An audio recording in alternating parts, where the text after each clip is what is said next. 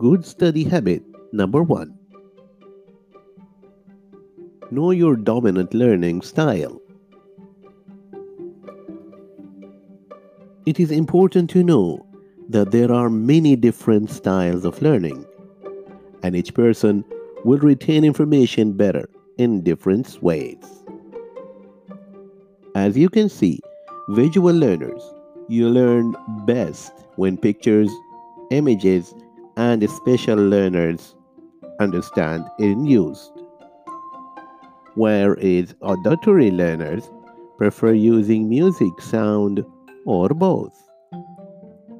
Kinesthetics learners prefer a more physical style of learning through using the body, senses of touch, and hands.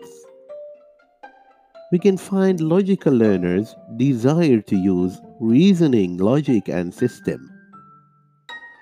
But don't forget verbal learners. They will prefer using words in writing and in speech. Finally, social learners will prefer to learn with other people or in groups. Once you have figured out which style of learning works best for you, it will help you determine how to study, where to study, and when to study. Other important factors like study aids you should use and be aware of, and knowing what things may distract you from while studying.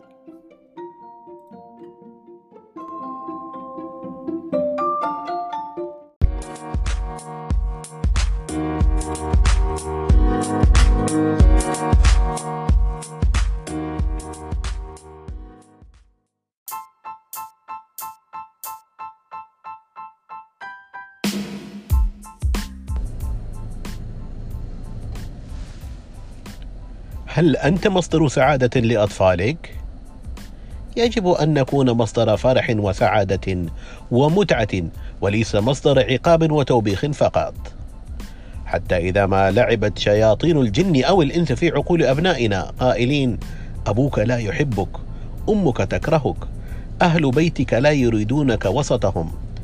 تذكر حينها جلسات القصص الأسرية الماتعة، فكان الرد من داخله يقول: هم يحبونني وعندي من القصص خير دليل وهنا وهنا تقول إحدى البنات وعمرها عشرون عاما إن من أحلى ذكرياتي في الطفولة تلك الأوقات السعيدة التي كنت أقضيها مع أمي وأبي يقصان علي بعض القصص اللطيفة. كان هذا يحدث في أي وقت من أوقات اليوم والليلة. لقد كانت هذه القصص مصدرا عظيما جدا للمعلومات التي تعلمتها. وفي نفس الوقت كانت مسلية جدا. ولعلي أعزو معظم معلومات التي عرفتها عن عن الرسول الكريم وعن أنبياء الله الكرام جميعهم إلى تلك القصص التي كان يقصها علي والدي. إن الوقت الذي تقضيه مع والدي كان مصدرا رائعا لتثبيتي ودعمي. حتى أستطيع أن أقف أمام كل العقبات التي يقابلها كل طفل مسلم. وحتى الآن وبعدما بلغت من العمر عشرين عاما ما زلت أستمتع بالجلسات التي يحرص عليها والدي بعد طعام العشاء أو بعد طعام الإفطار في رمضان. ليقص علينا جميعا من القصص من السيرة العطره